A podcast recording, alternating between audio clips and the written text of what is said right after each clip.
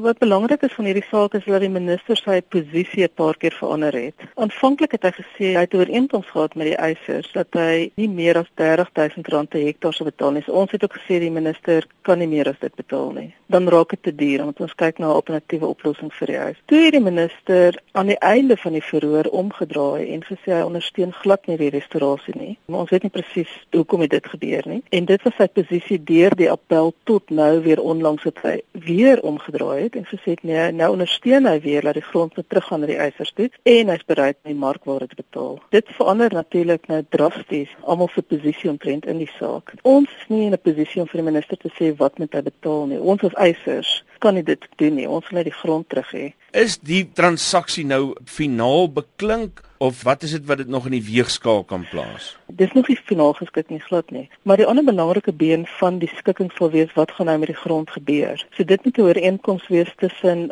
die eisers wat dan grondeienaars gaan word en wat duidelik nie die vaardighede het om so besigheid onmiddellik oor te neem nie. So mens moet op hierdie stadium sal ons onderhandel met Mala Mala om te sien of ons wel 'n ooreenkoms met hulle kan aangaan dat hulle sal voortgaan om die besigheid te bestuur op wat die gronde van daai ooreenkoms sal wees. Maar ons ons begin vandag eers met die onderhandelinge daar daaroor. Of dan as ons nie met Mala Mala ooreenkoms kan bereik nie, is daar inderdaad 'n ooreenkoms met Londelausie en dan sal ons terugval op daai ooreenkoms. Want dit is nog altyd 'n grondeisehof deur al die partye toegegee dat ons kliënte het nie drie stare met die vaardighede of die ondervinding om so besigheid oor te neem nie, maar jy hoop dat hulle dit wel sal hê in 15 tot 20 jaar. En so deel van die ooreenkoms sal dan ook wees hoe gaan jy sorg dat hulle wel genoeg ondervinding opdoen om dan op die ou end ten volle die besigheid oor te neem. So daai skikking moet ook in plek wees voordat die finale skutting tussen al die partye kan wees. As hierdie eis uiteindelik suksesvol deurgevoer word, gaan dit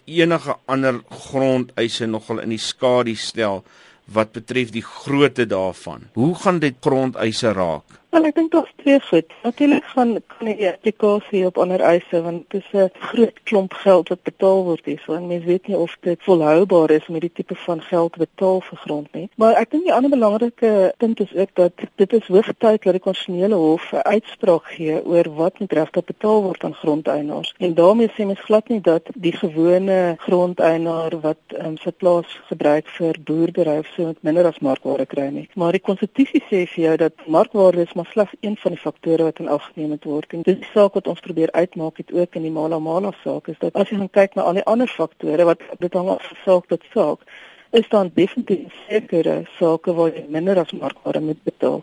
Al vir die klomp geld wat hier betaal moet word, is dit ook nodig dat ons wel nou 'n uitspraak kry op wanneer kan mens wegbeweeg van markwaarde en wanneer is dit regverdig om nie markwaarde vir grond te betaal vir doeleindes van grondhervorming.